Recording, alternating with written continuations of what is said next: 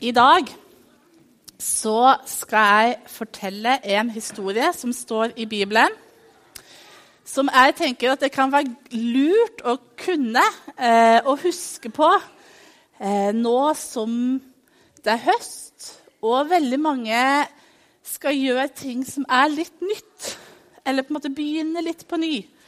Fordi nå har vi hilst på Eivind Emil og på på Hanna og på Bjørnar i dag som skal ha begynt eller skal begynne i første klasse.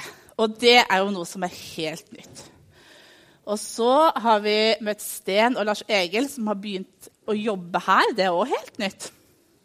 Eh, og det betyr at eh, Ingrid og jeg for eksempel, vi har fått nye kollegaer. Det er nytt for oss. Og så er det noen som har begynt eller skal begynne på ungdomsskolen, og det er ganske nytt. Eller kanskje til og med på videregående. Det er nytt. Så er det noen her som eh, skal bli mamma og pappa i løpet av året. Det kan være nytt. Så er det kanskje noen som har jobbet så lenge at de skal bli pensjonister. Det kan være litt nytt. Så det er ganske mye som kan være litt nytt og være litt spennende. Eh, og skummelt på en gang eh, nå på høsten. Og det er da fint at vi har Bibelen. og Da står det mye og mange fortellinger som kan hjelpe oss litt og trøste oss og gjøre oss modige når ting er nytt og spennende og skummelt på en gang. Og Den fortellingen som jeg skal fortelle i dag, kan kanskje noen kjempegodt. Og så tror jeg kanskje noen som aldri har hørt den. og Den handler om to av Jesus sine disipler. Og så skjer det rett etter at Jesus har dødd på korset, og så har han stått opp igjen. Eh, og det er jo ganske rart, og jeg lover deg at det er ganske nytt for de disiplene at det har skjedd. Fordi at de har levd sammen med Jesus, har de gått sammen med Jesus hver eneste dag i tre år. Det er ganske lenge. Og så opplevde de det at Jesus ble tatt til fange. Eh, og så ble han drept, og så ble han levende igjen. Og det er sånn at de nesten nesten egentlig ikke tror. Og Derfor så bestemmer de her to disiplene seg for at de har ikke lyst til å være i Jerusalem, der som alt dette har skjedd, men de har lyst til å gå til en annen by, et annet sted, som heter Emmaus, og som ligger et stykke unna. Og jeg tror f.eks. at de disiplene var litt redde for eh, at de òg kunne bli tatt til fange, og at de òg kunne bli drept. Fordi har dere hørt om å være medskyldig? Det er et litt vanskelig ord, da. Men det betyr at eh, hvis din venn eller din kompis eller han som du er sammen med, har gjort noe som er forbudt, så er det lett at man kan tenke at du òg var med på det. Og For ganske mange år siden, når jeg var russ, f.eks., så hender det jo at de som er russ, gjør ting som er litt dumme. Eh, og ikke alltid helt lov. Og det skjedde på den skolen der som jeg gikk at noen av de som var russ, de bestemte seg for å hive maling på noen biler som sto parkert på en parkeringsplass. Og For sikkerhets skyld var dette en parkeringsplass ut forbi et oljeselskap med veldig mange veldig, veldig dyre biler. Eh, og det er aldri lurt å hive maling på en bil. Og det er spesielt lite lurt å gjøre det på en veldig dyr bil, for det koster veldig mye penger. når alle de bilene skal lakkes om. Oppdaget vi. Og det som skjedde da, var at ingen visste helt sikkert hvem det var på skolen som hadde gjort dette. De bare visste at det var noen. Og da tenkte de at alle var medskyldige. Så ville de at alle sammen skulle være med og betale for det som noen hadde gjort. Det er å være medskyldig. Eller når jeg var liten, så har jeg en lillebror som er seks år yngre enn meg. Og når du er seks år mindre, da er du ofte litt lett å lure. så hvis jeg skulle gjøre noe som jeg visste ikke var lov, hvis jeg f.eks. skulle um, bruke noe som jeg ikke hadde lov til å ta, eller aller helst hvis jeg skulle stjele eller spise noe godteri eller kake, f.eks., Jeg husker spesielt Jeg og mamma hadde bakt en kake som vi skulle ha et selskap med sånn veldig god krem. Og det visste jeg fordi jeg hadde fått lov til å være med og slikke den bollen med krem. Eh, og så hadde jeg jo lyst på mer krem. Og så var det ganske lenge til det selskapet, sånn at jeg tenkte at det var lurt å eh, bare gå og ta litt mer krem av kaka. sant? Skjønner? Eh, og så skjønte jeg òg at det som er litt dumt da, det er at eh, eh hvis jeg blir oppdaget fordi at eh, da får jeg jo kjeft, og det vil jeg jo ikke. Så Derfor så fikk jeg altså med meg min lillebror. Og så tror jeg ikke faktisk, det husker jeg ikke helt, men jeg tror ikke han fikk krem.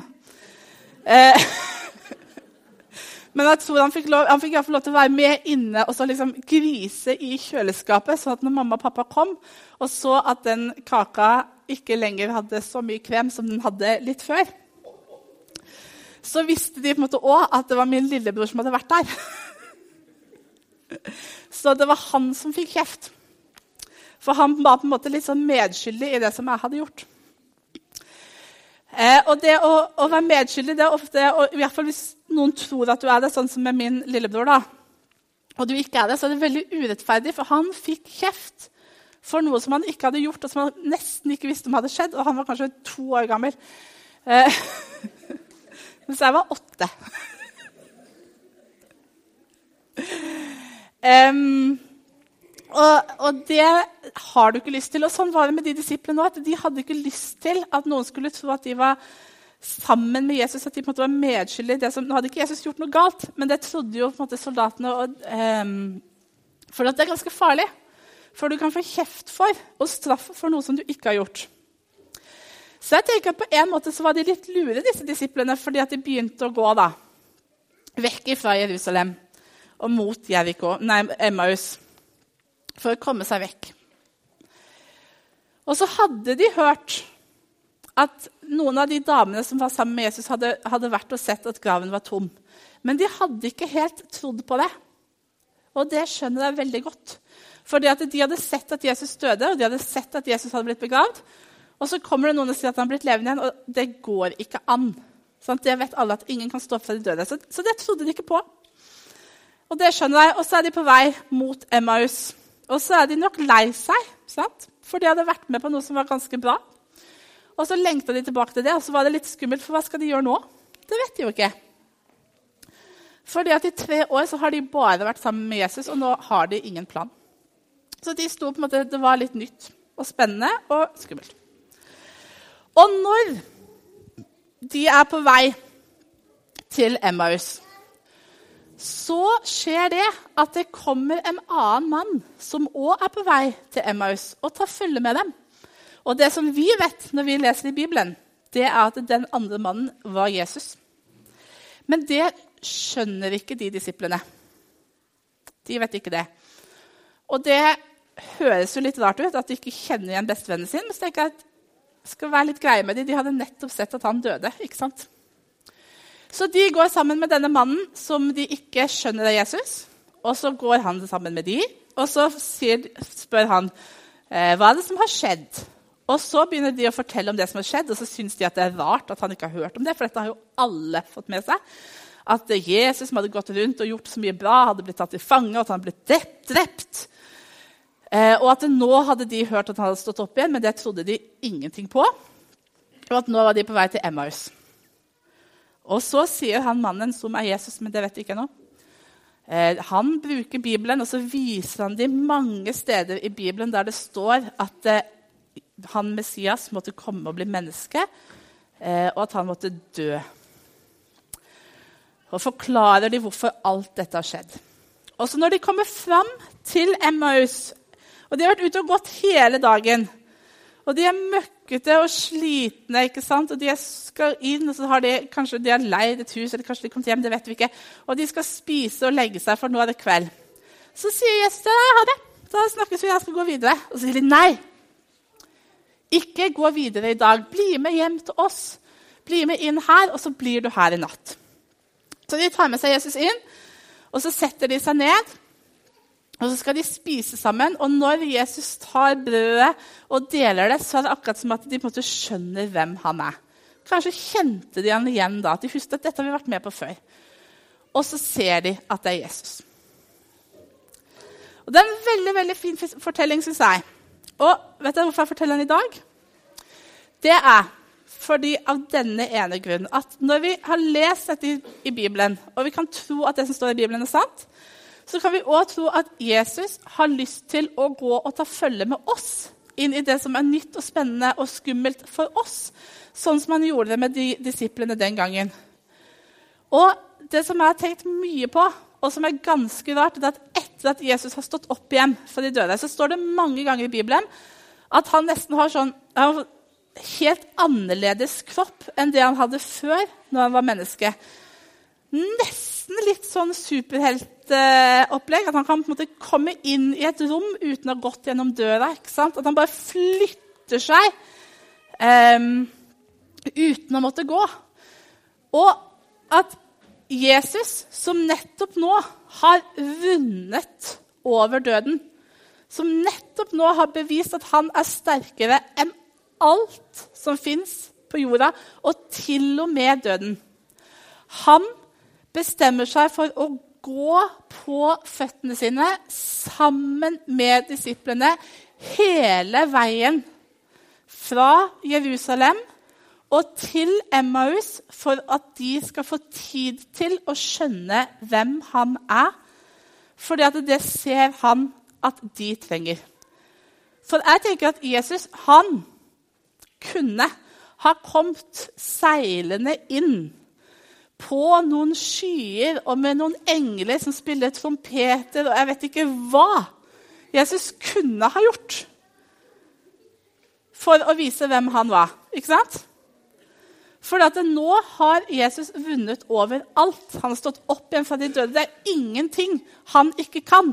Men så velger han å måte, være helt seg sjøl, som menneske, ikke gi seg til kjenne engang, og å gå på føttene sine. Og det er langt.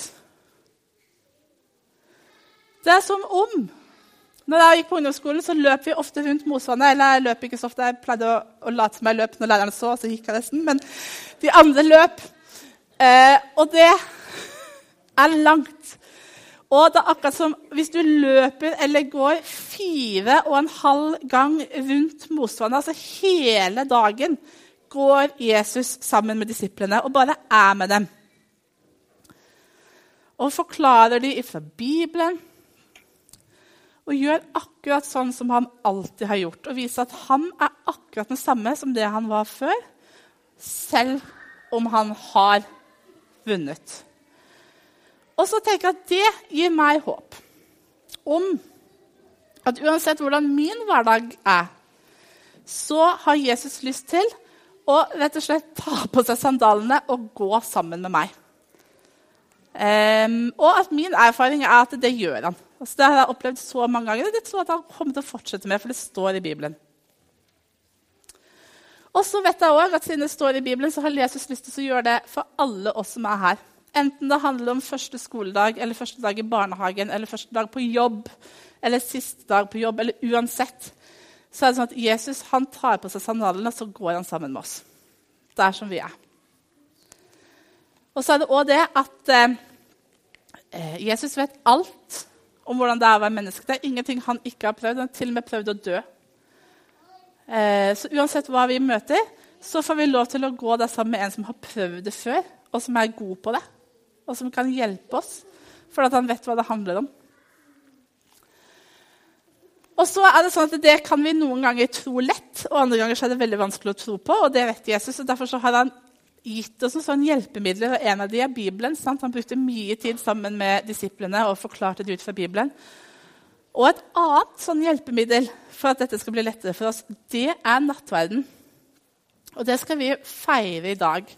Akkurat sånn som Jesus han delte brødet og vinen sammen med de disiplene her. sant? Når det hadde gått en lang dag. Og så har han sagt at hver gang vi gjør det, hver gang vi feirer nattverd og bryter dette brødet og deler vinen, så har han sagt at han er her, akkurat som han var den gangen. Og så har han sagt at vi skal gjøre det for at det hjelper oss å huske. Og Sist gang vi hadde nattverd her, så fortalte jeg at det å komme til nattverd det er nesten litt som å ta med seg en nistepakke.